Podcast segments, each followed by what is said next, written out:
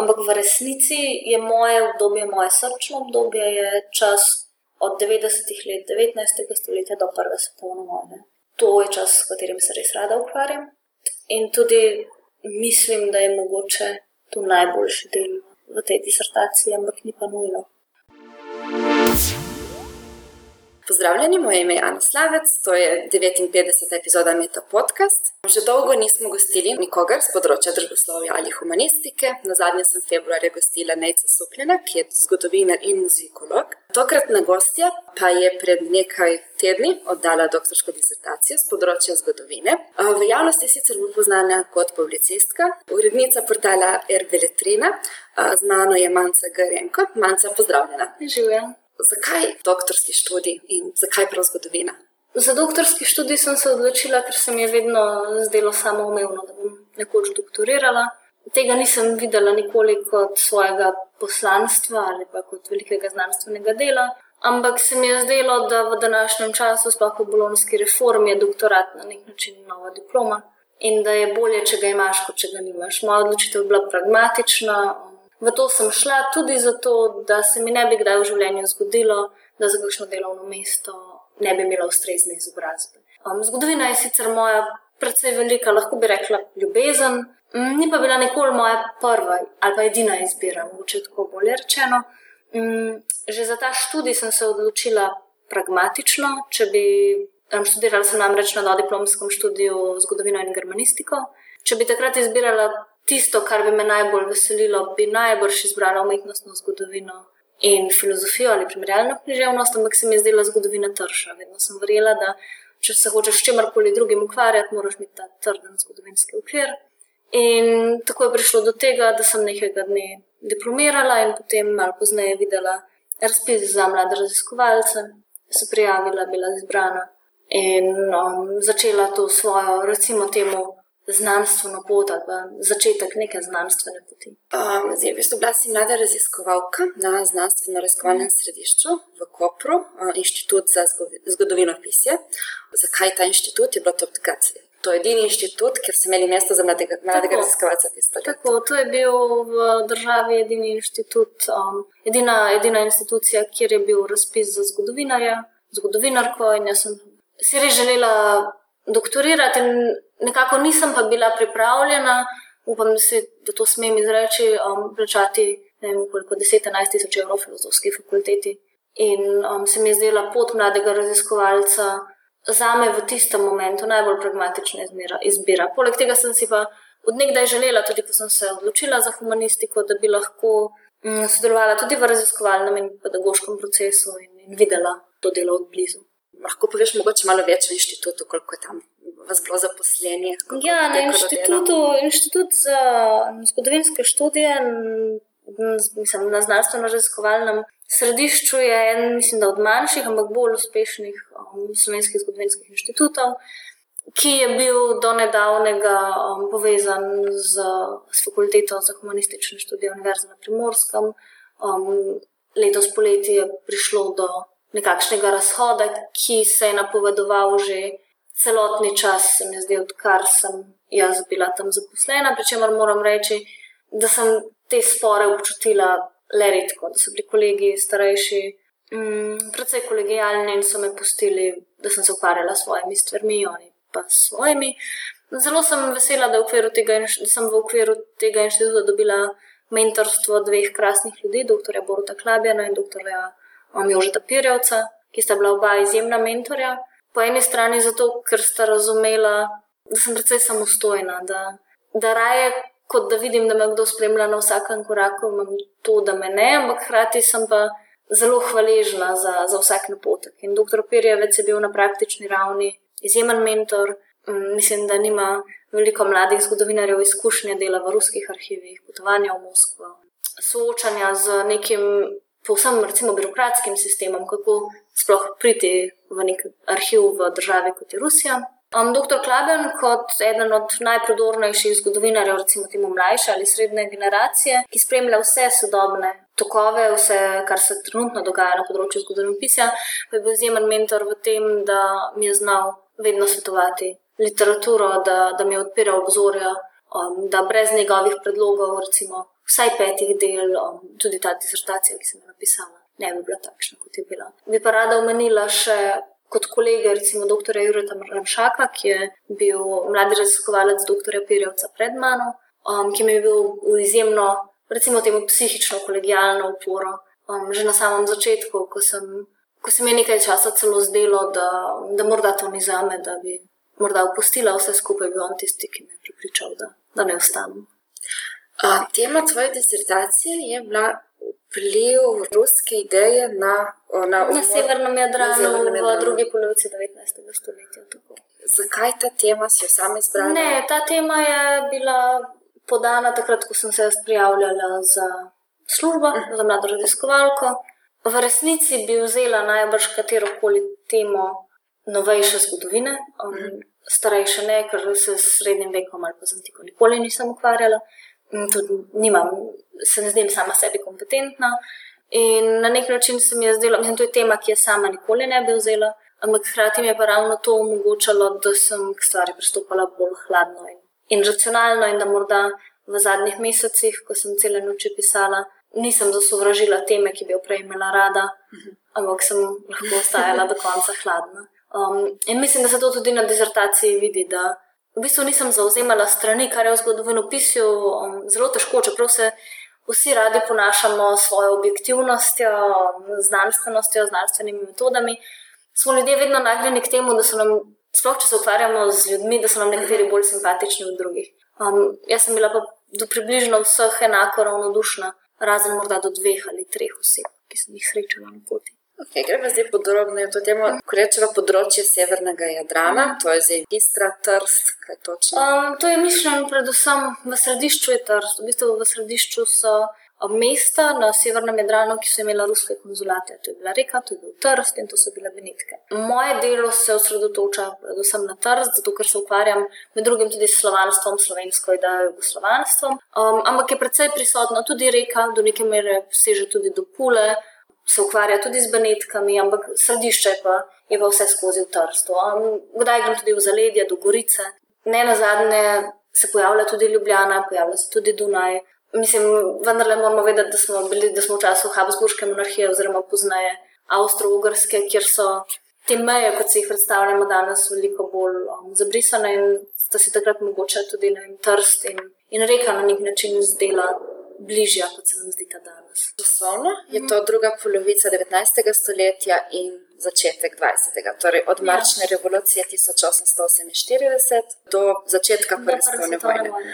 To je zelo dolgo obdobje, za zgodovinarje je to zelo dolgo obdobje za doktorsko disertacijo. Vedeti moramo, da se večina um, kolegov, ki, ki doktorira, ukvarja samo z nekim fenomenom, ali pa če gre za časovni okvir, z mogoče desetletjem. Ne, jaz sem se ukvarjala pa s 70 leti. In tukaj nastopi problem, ker se v teh 70 letih svet povsem spremeni. Se, če, če smem biti zelo plastična, mi, mi prihajamo iz leta 1848, ko ljudje niso imeli elektrike in končamo v času, ko so po Dunaju vozili avtomobili. Mislim, cel svet se je spremenil. Mislim, in, in tukaj je zelo težko spremljati neko idejo, ne da bi se, ne da bi se ukvarjal tudi s tem. Kako se je spremenil svet? Slovansko idejo je pa tako, po letu 1848 jo je mogoče sistematično opazovati, seveda je obstajala že prej, um, tudi tudi neko rdečo črto lahko potegnemo s tem, kar se je dogajalo prej, ampak 1848 dalje je to zelo prisotno. Um, 1914 je mejnik, ki je za zgodovinarje zelo priročen, ker lahko vedno končamo na tisti točki in rečemo, po tem letu nič več ni bilo isto. In, in res je, um, mislim, po vojni. Trst ni bil več del avstro-ogrske monarhije, avstro-ogrska ni več obstajala in se pravi tudi slovanska ideja ali pa vpliv Rusije sam na tem območju je bil drugačen, ker je bil v tistem trenutku stvar zunanje politike med Rusijo in Italijo, kraljevino Italijo ali Italijo, ne pa več povezava med um, dvema imperijama, avstrijskim in ruskim. In tudi znotraj tega 70-letnega obdobja, um, kdaj pride popolnoma do zatona te ideje, s katero se ukvarjamo, potem spet vznikne. In, in v bistvu me je to najbolj fasciniralo, ko ena ideja preživi in ko že misliš, da. Da smo jo do konca, dokončno pozabili, recimo konec 19. stoletja, potem 1905 z rusko revolucijo, ponovno doživeli neko renesanso. Ja, torej zdaj so prvi miniki ta maršna revolucija. Mm. Zdaj tako ne vem, za eno hitro obnovitev maršne revolucije, to je bila pomlad narodov. Zgodovina je zelo ne radi, govorimo o pomlad narodov. Mislim tudi sama, um, mislim, da v dizertaciji niti enkrat ne omenim tega izraza. Um, čeprav mi je simpatičen načeloma, to so te stvari, ki te jih naučijo. Pač, tako, ne reče se tako. Zgodovinari v ja. srednjih šolah še vedno uporabljajo. ja, in to nimam nič proti. Okay, ampak šlo je takrat za neko prebujanje te zavesti uh mhm. -huh. slovenstva. Uh mhm. -huh. Potem naslednji menik pa je konec neobsolutizma. Zdaj, kaj sploh je neobsolutizem? Zdaj, tako, če privlečem na, na dan to no. srednješolske znanje, absolutizem, to je država, to sem jaz, Ludvik 14 in tako dalje. Kaj pa je neobsolutizem? Neobsolutizem oziroma baho absolutizem je čas, recimo, temu restrikcije, restauracije, represije, ki nastopi po um, tem, če se smem tako izraziti um, v disertaciji se ne bi revolucionarnem vrenju, ki ga je povzročilo leto 48. Ne. Leto 48 je, um, je pripeljalo do, do številnih um, uporov, manjših revolucij in tako dalje, za katere je avstrijska oblast vedela, da, da jih mora zatreti in v bistvu. Že dve leti pozneje je bilo vse to popolnoma zatrto, in to obdobje potem traja deset, približno deset let. In v tem desetletju um, opažamo stvari, kot je cenzura, prepoved tiska z izjemo glasil, ki so ekstremno nepolitična, um, zatiranje vsakršne. Um, ja, za vsakršnega zborovanja, javnega političnega dejstvovanja, in tako dalje.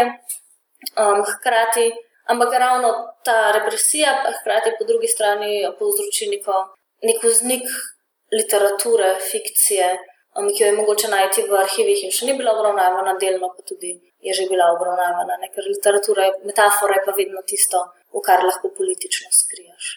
Ko meniš to literaturo, da je to tvoja metoda dela, da si proučevala takrat misel, mišljenje, tudi javno mnenje na podlagi literarnih del, pa tudi publicističnih del. Na podlagi zelo različnih del. No, moram povdariti, da metodološko sem v vsakem od treh podobdobij, na katere sem disertacijo razdelila, uporabljala druge vire. Ker v času, recimo v času neobsolutizma, ko časopisi ne izhajajo, oziroma so cenzu, zelo, zelo strogo cenzurirani, ne moramo spremljati javnega mnenja. In zato moramo iti v arhiv in brati pisma, ki so zasebno korespondenco ljudi, ki so živeli v tistem času na tistem prostoru. Um, lahko beremo državne dekrete, se pravi um, poročila notranjega ministrstva, policije in tako dalje. In lahko seveda beremo leposlovje, pri čemer um, velik del leposlovja tega obdobja ni objavljen in ga spet lahko najdemo v recimo rokopisni čitalnici um, Narodne univerzitetne knjižnice, kjer je pri osebni zapuščini posameznih avtorjev mogoče najti tudi njihove literarne poskuse, ker niso bili vsi objavljeni. Mnogo, mnogo je bilo del, ki so si jih samo prijatelji pošiljali med seboj ali pa je šlo za prevode tuje literature. In, in jaz nasplošno za to obdobje rada, kar se tiče leposlovja, uporabljam izraz pol literarna dela, ker um, niso imela ta dela neke zelo, zelo velike literarne vrednosti, jih je pa zgodovinskega vidika za razumevanje časa. Pomembno prebrati in znajo biti tudi zelo hitri. V kakšnem jeziku so napisane v slovenščini? V slovenščini. Ja. To je bilo v bistvu omejeno samo na besedilo. Ja, jaz sem se ukvarjala večinoma s slovenci in, in potem delno um, ko sem delala v Rusiji, delno tudi, tudi z, Rusim, z ruskim odnosom do tega območja, ampak na prvem mestu imam, seveda, imam slovensko. Mhm. Zgodovino slovencev. Ampak je pa tukaj v tem obdobju še vedno zanimivo, ne, da slovenski jezik sam po sebi ni tako samoumeven. Čeprav so ljudje, ki jih spremljam, ljudje, ki se izrazito deklarirajo za slovane, deloma celo za slovence, lahko opazimo, da si recimo tudi dva slovenca visoko izobražena med sabo, ki sta nacionalno zavedno dopisujeta v nemščini. Um, lahko opazimo celo zelo schizofrene situacije, ko si slovenec s češkim kolegom dopisuje malo nemško, malo recimo temu ilirsko, hrvaško, delno v, neki, v nekih poskusih češčine. Um, Zraven ta identitetna politika, zvezana z jezikom v tem obdobju, ni tako močna, kot bi si človek mislil. No. Meje jezike so meje mojega sveta, v tem času še ne velja posem. Kaj pa v tem naslednjem obdobju, po koncu neabsolutizma? Ja, potem v bistvu začnemo, recimo, da če zdaj poenostavljeno govorim, um, se potem premaknemo v začetek 60-ih let in takrat pride do ponovne vzpostavitve ustavnosti v Habsburški monarhiji. Ta ustavnost je bila, ni bila najboljša ustavnost na svetu, no, to ni bil demokratičen sistem parlamentarizma, kakršnega si ga predstavljamo danes, ampak je bil veliko bolj zapleten pa vendar je prišlo do neke vrste odjuge, v kateri um, je bilo spet mogoče um, objavljati časopise, publicirati. Um, Pričemer moramo vedeti, da, da je cenzura še vedno obstajala, še vedno so bile številke konfiscirane časopise. pisali o stvarih, ki oblasti niso bile po volji in tako dalje. In znotraj tega obdobja pa že opažamo, recimo, tudi znotraj prejšnjega, pomembne zgodovinske menike, ki so zelo vplivali na slovensko, slovansko, jugoslovansko zavest ali pa odnos do Rusije, kot naprimer Krimska vojna um, v 50-ih letih in potem v 60-ih, če nadaljujemo z letom 67, ko pride na, um, na razdelitev Habsburške monarhije na dva dela, ne, avstrijskega in mačarskega. In pač te, vse te stvari imajo veliko vpliv na, na zavest, tudi nacionalno, um, posameznih akterjev. Um, in potem v 70-ih, 80-ih letih naletimo mogoče do na največjo, um, največji porast rusofilije pri nas.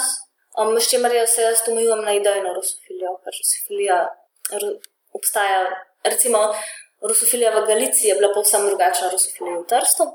Um, in v času rusko-turške vojne, v leta 77-78, recimo, je, bil, je bila ruska zavest pri slovencih um, izjemna in, in tudi pač na tem območju Trsta in pri Hrvatih, no, reke in tako dalje, lahko vidimo, kako, kakšno, kakšen porast zanimanja za Rusijo je ta vojna povzročila.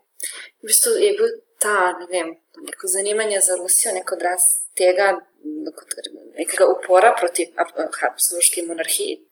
Um, delno ja, čeprav se moramo zavedati, da je ideja slovanstva vse do konca 19. stoletja večinoma obstajala znotraj um, okvirov monarhije. Da si slovenci v 19. stoletju vse do konca niso, vsaj ni mogoče zaslediti, predstavljali, da bodo oni to monarhijo kar zapustili. To, oni so bili navezani na cesarja, in, um, ampak v bistvu je bila Rusija bolj kot velika zaščitnica pred pangermanizmom. Pred pred nemško željo po podreditvi Avstriji, priključiti po tako imenovanem veliko nemškem planu, potem, da so se ne nemški narodi v avstro-ogrski monarhiji bali, da bodo izgubili svojo identiteto, ne bo slovanska, kakršno koli že, če bo prišlo do prve velikega vpliva Nemčije. In, um, in mnogi slovenci, pa tudi drugi slovani v monarhiji, so verjeli, da če bo Avstrija imela sklenjeno trdno zavezništvo z Rusijo, bo varna pred, pred Nemčijo. Um, To je po eni strani, po drugi strani pa Rusija nastopa kot nek abstraktni ideal, um, kot država, v kateri je vse prav, v kateri vlada svetli cesar, um, ki se nikoli ne moti, ker je ljudstvo srečno. In vidimo, da, da gre um, za, za skoraj čisto nepoznavanje dejanskih razmer, ki so takrat vladale v Rusiji. Lahko bi si poveš malo več o teh razmerah, ki so pripeljali Rusijo do te revolucije? 1905. 1905 ja. Ja, ta tako imenovana prva ruska revolucija je do nje prišlo zaradi, mislim, vedno lahko rečemo, zaradi splošnega nezadovoljstva, zaradi nemogočih razmer, v, v katerih se je znašlo delavstvo, um, zaradi totalne nesvobode. Vedeti moramo, da um, za razliko od drugih držav um, v Evropi. Rusija ni doživela leta 1848. Ruska potencijalna revolucija takrat je bila zatrta in represija še hujša, da, ker je bila ta ravno ta um, recimo temu pomlad narodov v Evropi tako nevarna. Um, mislim, se je zdela tako nevarna, da so jo pač zatrli v kali. In ta revolucija je bila plod neke represije, um, neke želje, po, ki se je vlekla več kot polovico stoletja po ustavnosti, po, po parlamentu, po demokratizaciji odnosov, po ne na zadnje možnosti izražanja javnega mnenja in tako dalje. In, in ko je do te revolucije v Rusiji prišlo, In ko je na koncu cesar pristal na, um, car, pardon, pristal na ustavnost, um, moramo vedeti, da je to naredil s tisnimi zobmi in da Rusija takrat ni postala nič um, bistveno bolj demokratična. Ampak na ven je pa tako delovala. In Slovenci, recimo, konkretno so se takrat predstavljali, da zdaj, v trenutku, ko je Rusija dobila ustavo, zdaj armada, ki je bila prej zelo pomembna, in pravoslavna crkva, ki je bila prej zelo pomembna in je bila na nek način zid, ki je onemogočal združevanje med um, katoliškim, ne med rimskim delom monarhije, recimo slovenci in pravoslavnim, da bo zdaj to padlo, ker bomo vsi ustavni, ampak v resnici um, do tega nikoli ni zares prišlo. Revolucija 1905 neposredno rodi idejo neoslavizma, ki je zadnjo slovansko gibanje. Mm, in ta neoslavizem temelji točno na tem, da sta tako Avstrija kot Rusija zdaj ustavni in da se lahko na podlagi te ustavnosti um, dr državi in njeni predstavniki med seboj pogovarjata o kulturnem sodelovanju in tudi to je morda razlika od prejšnjih gibanj v gospodarskem sodelovanju. Tukaj prvič pride v spredje gospodarstvo v smislu Slovenije bi potrebovali enotno banko, slovansko, mi ne zadnji enotno slovanski časopis, slovanski turizem, se pravi vse. Um, kar je bilo prej v 19. stoletju veliko bolj idealistično, šlo bolj za kulturno združevanje. Vsi so pa zase vse skozi trdili, seveda, da, so, da gre za nepolitične gibanja, ker vedeti moramo, da tako avstrijski cesar kot ruski car ne bi tolerirala nikakršnega političnega povezovanja slovanov in tudi, če je do njega prišlo, so se morali pretvarjati, da, da tega ni. Kakšna je bila vloga Trsta kot mesta v vsem tem? Um, jaz sem se s Trstom ukvarjala predvsem zato, ker um, je ta del slovenskega etničnega ozemlja veliko krat spregledan. Ukvarjamo se z rusofilijo v, v srednji Sloveniji, poznamo stvari, ki so se dogajale v Ljubljani, vemo za Ivana Hribarja, um, za novinarski kongres, ki je bil v Ljubljani in tako naprej. S Trstom se pa nismo nikoli toliko ukvarjali z tega vidika, ampak je to zanimivo, ker značilno je, sploh za nacionalno vprašanje, da so najmočnejša na obrobju, s tem mislim na geografskem obrobju, ne kulturnem obrobju. In v, v trenutku, ko si ti na, na neki jezikovni, etnični meji, so ti boji vedno hujši in je tudi narodna zavednost močnejša. Se, mislim, to ni nobena znanost. Če, če danes govorimo z, z pripadniki manjšine v Trstu ali pa na Koroškem, se veliko krat čutijo veliko bolj slovence kot ljubljančani. Um, zato, ker mi nikoli nismo čutili ogroženosti lastne nacije. Recimo. Ampak zdaj, če gremo v tisto obdobje in v Trst, ali so tam dejansko živeli? Slovenci, mislim, se govori slovenski jezik, ker nekako velja to prepričanje, da Slovenci, mislim, vsaj danes je tako, večinoma živijo v zaledju. Na periferiji ne, to, mislim, to je nek mit. Slovenci tudi danes imamo Slovence tudi v mestu Trst, v, cent, v strogem centru, ne na zadnje, moj mentor Jože Pirjevec živi v mestu Trst. Um, in tudi v tistem obdobju so bili Slovenci tudi v mestu. Je pa res, da so bili primorani marsikdaj sprejeti jezik večine, jezik uradov, jezik šol in da je, bil, da je bila odločitev za italijanščino povsem pragmatična.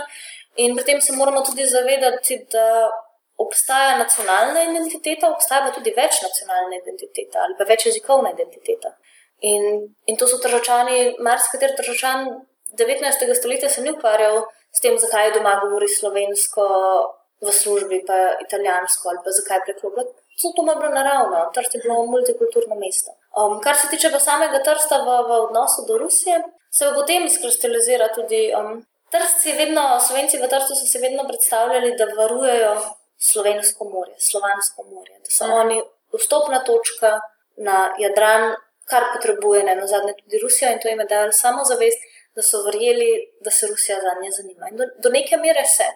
Zasledimo lahko tako v ruskem leposlovju kot potopisih, kot zasebni korespondenci, da marsikateri v svetu trst obstaja, kar je na nek način fascinantno, ker šlo za mesto, ki se ne more primerjati z zgodovinskimi znamenitostmi Aten, Benetka ali pa Rima in tako dalje. In tudi to je zanimivo, da recimo Rusi so imeli, kar sem našla v Dunajskem arhivu, um, so, kjer je notranje in zunanje ministrstvo sta budno spremljala, kako se Rusi premikajo po monarhiji, če bi prišla večja ekskurzija.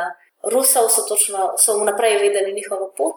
In tako ruski učitelji, kot drugi ruski turisti, so, so redno prihajali na, na izlet v Trst. Doskrat so tudi izpustili Ljubljano in so šli neposredno, neposredno do Trsta. O tej ruski um, zavednosti um, pa priča zelo pragmatična, spontana rusofilija, ki jo lahko vidimo in sicer ne vem, lahko beremo neko pričevanje, kako je, um, je naj bi 2000 slovencev pričakovalo, um, pričakovalo ruski vlak, mislim, vlak, na katerem so prišli Rusi, na peronu in Rusov na, vlaku, na tem vlaku ni bilo in ti slovenci so razočarano odšli domov, ker so želeli pozdraviti ruske brate. In v resnici je šlo samo za zamudo in so ti isti Rusi prišli, ampak so prišli na mesto tistega dne do povdne, malo pred polnočjo, ko je bilo mesto skoraj da prazno in oni so šli takrat. Um, potem v kavarno Balkan, ki je bilo tudi združevanje um, slovanov v Trstu, mislim, nek prostor združevanja. In približno 100 Rusov je v eni uri dobilo nočitve pri slovencih, slovanih doma, ki so živeli v Trstu. Kar je danes povsem nepredstavljivo. Da bi mi dve sedeli v nekem lokalu in bi prišlo 100 ljudi, ki ne bi imeli za prespati, in bi vsak nekoga vzel domov. In mislim, da je k temu prispeval tudi ta slovanski duh, da, da so pač brate slovane um, vzeli k sebi domov. In to je bilo še na začetku 20. stoletja, mislim, da zdaj govorimo o letu 1908 ali 1909, ne me držite besedo. Tako gotovo v tem obdobju. Kaj se je v bistvu zdaj v tem obdobju še zgodilo pred začetkom Prve svetovne vojne? Je bilo še kakšen tak zanimiv dogodek? Ja, absolutno. Mislim, imamo aneksijo Bosne in Hercegovine, ki je za um, slovansko, jugoslovansko vprašanje v Avstralski izjemnega pomena. Že od priključitve, v, um, ki je sledila rusko-turške vojne, ker najprej je Avstrija zasedla ta območja v Bosni in Hercegovini, potem je pa v 20. stoletju, nekaj let pred Prvo svetovno vojno, prišlo do dokončne aneksije. Je to pomenilo, da um, se je slovanski delež v monarhiji povečal in da je to tudi zbudilo upe tako pri um, slovencih, ki so zdaj videli, da pač jih je če dalje več v monarhiji. Hkrati je pa to tudi spodbudilo težnje po neodvisnosti, po tem, da bi južnoslovanski narodi ali jugoslovanski narodi lahko imeli dejansko svojo državo, kraljevino. Tudi še mnogo druge stvari so se dogajale. Na začetku 20. stoletja je, je poln, um, je v bistvu zelo turbulenten. Ta čas je, kakor je recimo od 80. let do preloma stoletja vlada nekakšno sunanje politično, recimo temu zatišje, čeprav ne zares. Um, ampak na vides je potem se v bistvu v 20. stoletju skoraj vsake drugo leto zgodi nekaj usodnega, nekaj, kar potem lahko vidimo tudi kot enega od razlogov, ki so vodili k tistemu, če mu potem rečemo, prva svetovna vojna. Kaj pa kako bi povzeli glavni prispevek tvoje disertacije? Mislim, da je predvsem z metodološkega vidika, oziroma z vidika diskurza, historičnega diskurza, zanimivo to, da sem se v bistvu na novo začela ukvarjati z nekimi stvarmi, ki so v zgodovinopisju v resnici ne ljubo pa se. Mislim, s panšlavizmom se danes nihče več ne ukvarja. Ampak hkrati moramo vedeti, da, da ravno to, da sem se začela ukvarjati s to s temo v nekem drugem času, me pripelje do tega, da sem uvrgla praktično vso temeljno literaturo, ki je bila napisana recimo v 50 letih, ker se je naša, naše dojemanje narodnosti spremenilo. Nekdo, ki je pisal vem, delo z naslovom Panslavizem v 50 letih 20. stoletja, je bil obkrožen s povsem, je, je mislil zgodovino na drug način. In ker so pač tudi zgodovina se, se spremenja, pristopi k zgodovini se spremenjajo. In tisto, kar je bilo včasih veliko bolj razumljeno kot nacionalno, bi si jaz želela razumeti kot danes, kot nadnacionalno. Mislim, da je ta težnja po nation buildingu, po, po trdem nacionalizmu, po zakoličenih mejah med prav in narobe, res ne res je danes veliko bolj izmuzljiva. In mislim, da sem v bistvu tej ideji slovanskega gibanja nadela nek sodoben obraz. No. Mislim, poleg tega pa seveda čisto trdo metodološko, če gledamo, je pa v tej disertaciji obravnavanih ogromno dokumentov, ki v slovenskem ali katerem koli drugem zgodovinopisu še niso bili objavljeni, obravnavani, raziskani. Mislim, da, nek, da sem. Gotovo je precej dokumentov, ki sem jih prva pregledala, nekaj dokumentov je tudi takih, ki so jih pregledovali že ljudje pred mano, ampak sem jih jaz morda interpretirala na drugi drugačen način. Tako da to je, po mojem mnenju, prispevek k humanistiki. Predlagam, da gremo zdaj na ta končni sklop vprašanj, ki jih postavimo vsakemu intervjuvancu. Povedala si že, da sta bila tvoja mentorja Jože Pirjevec in Borut Klabjan. Tako. Lahko poveš kakšno zanimivo anegdoto, ki je povezana z mentorjema, enim od dveh ali pa obema? lahko povem, kako se človek v času spremeni, kar je tudi zgodovina. Um, ko sem šla prvič na konzultacije k dr. Perjevcu pred štirimi leti, sem se prijela k njemu v Trst, sem bila izjemno nervozna, mislim, me je bilo strah. Um, bala sem se, kaj bo rekel o, o moji dispoziciji, kaj si bo mislil, da sem dovolj usposobljena, sem bila neumna, nerazgledana. Ne. Strah me je bilo v resnici. Medtem pa, ko sem šla zadnjič k njemu, se mi je zdelo, kot da um, na nek način obiskujem starega prijatelja, če ga mnenje zelo cenim. In se mi zdi, da ta um, samozavest, ki mi jo je omogočil dobiti kot raziskovalki, je nekaj izjemno dragocenega. In to, da, um, da mogoče se na kakšni točki tudi ni nujno zelo strinjal z mano, ampak jo je pustil kot je. Je bilo krasno. Da ne govorim o tem, da so bile dvakrat um, skupaj v Moskvi, kjer sem se naučila trdega zgodovinskega dela v arhivih in Mislim, da je to neka stvar, ki, če ne bi bila mlada raziskovalka, Ne do nje nikoli ne, nikoli ne bi do nje prišla. Ja. In to, to je izkušnja, ki ti ostane za celo življenje, ne glede na to, kaj bom delala. In dr. Kladven, pa kot sem že rekla, on je pa, on je pa zelo svež, on, on pa res um, pozna sodobno zgodovino pisja in, in te opozarja na stvari, ki se dogajajo v tujini, na, na tip raziskovanja, kakršen se dogaja v tujini, ki pri nas morda še ni tako prisoten in to me je izjemno prav prišlo. On trenutno deluje v, v Firencah, ja, na Mari, um, kjer je on dobil program. In je pač delno na ZRS-u, delno pa v Firencah. In, in tudi tako, zdaj, ko sem se malo bolj dopisovala v času, preden sem oddajala, mi je on pisal vsakeč za drugega letališča. Ne. On je človek, ki mislim, da je na največ um, znanstvenih konferencah v tujini med slovenskimi zgodovinarji. Ja, zdaj, v bistvu pred časom je bil gost, uh, smo imeli družbeno akademijo mm -hmm. in dogodek o ravno teh -hmm. narikeri štipendijah, pa je on v bistvu predstavil svoje izkušnje. Če bi imela možnost iti na kavo s predsednikom vlade, kaj bi mu predlagala, da spremeni na področju znanosti v Sloveniji? Mislim, da, da tukaj vedno, da jaz lahko načnem samo stvari, ki mene osebno motijo ali pa jih bolj opazim. In to je recimo temu kartelno zaposlovanje, ki, ki vlada pri nas. Um, da se mi zdi izjemno zanimivo, da, da fakultete, ki, ki me zanimajo ali pa za katere bi bila morda usposobljena delati, praktično nimajo javnih razpisov. Tudi mnogo, jaz, ko sem se potegovala, za, jaz sem se že eno leto prej um, želela prijaviti na MR. Takrat je bilo še na treh humanističnih smerih v Ljubljani bil razpis in sem pač šla k tem bodočim mentorjem se predstavila um, in rekla, da me to zanima. So rekli, da ne, da oni pač že imajo izbrane kandidate vnaprej, spravi, je bil razpis vnaprej v dan. In to je, to je nekaj, kar vsi vemo, da se dogaja in da je resnični problem. In druga stvar je, da, da se tako nadaljuje tudi zaposlovanje, da imamo zaposlovanje na fakultetah, kjer ni javnega razpisa, ampak na vsem lepem nekdo postane zaposlen, oziroma je javni razpis narejen za tisto osebo. In jaz si zelo želim videti. Um, zelo želim videti v glas v časopisu, da na neki fakulteti iščejo človeka za to in za to, in da še ne bojo imeli izbranega. No. Zdi se mi, da, da je to grozno in to seveda za sabo potegne to nesigurnost, da smo mladi raziskovalci, ljudje na začetku ali pa postdoktorski raziskovalci v neki zelo negotovi situaciji, v situaciji, kjer se odvisimo od projektov. In um, mislim, da to privede do dveh stvari, in zdaj bom groba. Morda. Ena je to, da v tem kolesju potem ostanejo samo tisti, ki si tega najbolj želijo, ki so najboljši in vidijo čist, čisto samo to in si želijo svoje življenje podrediti znanosti, ampak teh je zelo malo.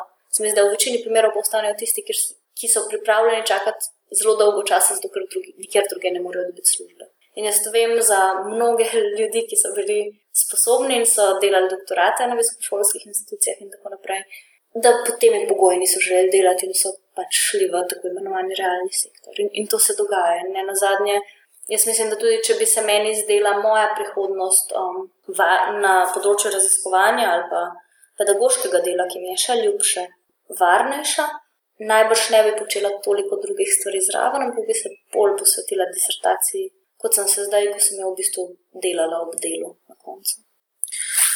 Če bi imela na voljo neomejeno denarja za raziskovanje, kaj bi raziskovala? Težko rečem, gotovo. Mislim, jaz sem človek, ki, ki me zelo hitro začne zanimati zelo veliko stvari. Um, sem pa tudi človek, ki se precej hitro naveliča. Tako da dvomim, um, vem, da v slovenski humanistiki, ali najbrž tudi na drugih področjih, obstajajo ljudje, ki se celo življenje ukvarjajo z istimi temami in bolj kot ne prenavljajo svoje dognanja, svoje izvirne znanstvene članke. Sama bi si želela živeti v sistemu, ko bi na tri leta lahko menjala temo, s katero se ukvarjam. Ampak mislim, bo vsem menjala, šla iz 19. stoletja v konec 20. in tako naprej. Um, jaz sem ne, da sem ne poglobljena, ampak toliko stvari je, ki so zelo zanimive, da se mi zdi škoda um, življenje preživeti na, na, na samo eni temi. Um, trenutno se bom ukvarjala, ampak to je bolj literarno, publicistično, ampak z metodami zgodovinarke. Sem ukvarjala z imenom Cankarjem v, Cankarjem v, v naslednjih šestih mesecih, recimo. Potem bom pa videla. Zelo rada imam zgodovino žensk, zelo rada imam kulturno zgodovino. Ne maram izrazito nacionalne, mikrozgodovine, nacionalne zgodovine, v smislu, da bi se ukvarjala z enim mestom, eno vasjo, eno družino. To mi je grozno. Imam pa rada evropsko zgodovino. In tema, ki me je izrazito ljuba in s kateri bi se še rada vrnila, je moderna, predvsem Dunajska moderna, ki je za me eno moja nedokončana pot. No. Jaz sem iz te teme diplomirala, potem pa sem doktorirala iz povsem druge teme, mislim, bom doktorirala. Imaš kakšno priporočilo za knjigo, igro, film, spletno stran, podcast? Mislim, glede na to, da je moja služba delati s knjigami, zelo, zelo težko rečem, ker je tega preveč. Ampak mogoče je kakšna, ki bi jo izpostavila knjiga, ki mi je bila zelo ljuba v zadnjem letu, je tudi od mojega nekdanjega kolega Zorosoja, dr. Egona Pelikana, tudi zgodovinarja, um, ki je napisal monografijo o Tometu Kralju um, in njegovi markaciji obmejnega prostora, um, ki je šla pri Cankarjevi založbi. Um, to se mi zdi med zgodovinskimi knjigami, recimo domače produkcije v tem letu, oziroma koncu prejšnjega leta, no, um, mogoče najboljše delo. Potem je nedavno, pred mesecem ali dvema, so um, prav tako pri Cankarjevi založbi šli mesečniki, um, oziroma spodnjo sojo, kako je šla Evropa v vojno, um, kar je bila moja ena od najljubših knjig, že ko je šla v izvirniku. Um, in gre za monografijo, ki se ukvarja z vzroki, razmerami, ki so pripeljale do izbruha Prve svetovne vojne. Ampak govori še veliko več kot samo v tem.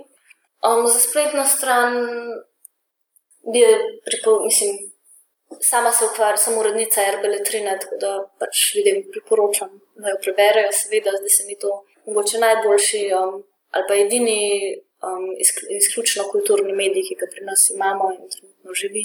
Um, in ima tudi v bistvu če dalje več bralcev. Igra sem, se mi zdi ena od boljših predstav, kar sem jih v zadnjem času videla. Ustavitev Hauptmana, Mateja Koležnik v Ljudskem gledališču Celje. Zadnji film, ki sem ga gledala, pa v bistvu sem gledala serijo. Zadnja serija, ki sem jo gledala, je Big Little Lies, ki mi je bila super. Zdaj pa začenjam zadnjo sezono House of Cards, ki mi bo najbrž tudi super. Čeprav sem delno že naveličena, ampak iz te zvestobe Če ne bi bilo nobenih omejitev, um, s kom bi si želeli iti na večerjo? Mislim, da so najboljši ljudje tisti, s katerimi nikoli ne greš na večerjo. Ampak si predstavljaš, da bi bili bistveno boljši, kot se vsi izkažemo, da smo, ko, ko se spoznamo v mestu. Tako da um, je tudi moja vloga, um, ter recimo temu vodja ali kreativne direktorice literarnega festivala Fabula, ki mi omogoča, da spoznavam praktično vse svetovne literate, ki si jih želim spoznati, me je naučila tega, da, da je dobro, če dela govorijo zase, da dela, naša dela vedno preživijo nas in da in umetnost in znanost sta veliko več od tega, kar predstavljamo na večerji. Tako da, če bi lahko zbirala, bi si vzela čas in šla na večerjo, morda s fantom, ki ga vidim zelo malo, ali pa s kakšno prijateljico, s katero bi lahko kakovostno upravljali. Manca, hvala za pogovor. Ja, hvala tebi. Pred odjavno špico še ena kratka novica. V torek, 20. junija, Društvo Mlada Akademija organizira piknik za vse doktorske študente in podoktorske raziskovalce. Za več informacij pogledajte spletno stran. Piknik bo na študentskem kampusu. Poslušali ste Meta podcast. To so pogovori z doktorskimi študenti in študentkami z različnih področji znanosti. Začel jih je Luka Avsec, v drugi sezoni sem se mu pridružila Ana Slavec, ki sedaj projekt pelje naprej tudi v tretji sezoni. Podcast domuje na spletišču metina.lista.si, kjer najdete tudi druge zanimive znanstvene vsebine. Če vam je podcast všeč, ga lahko podprete z donacijo Metini listi. Zahvalo boste dobili izvod knjige Zanimiva, navdihujoča, uporabna, ki smo jo izdali ob koncu druge sezone. Gre za zbornik prispevkov 70 raziskovalcev in raziskovalk, ki smo jih intervjuvali v prvih dveh sezonah. Pohvale, pripombe in predloge lahko posredujete po e-mailu znanost afnametina.si. Dobrodošli so tudi komentarji na Facebook profilu Metine Liste in na Twitterju, afna Metina Lista, kjer uporabite hashtag metaphocast. Sama pa tvitam kot afna aslavec. To je bilo to, se slišimo čez 14 dni.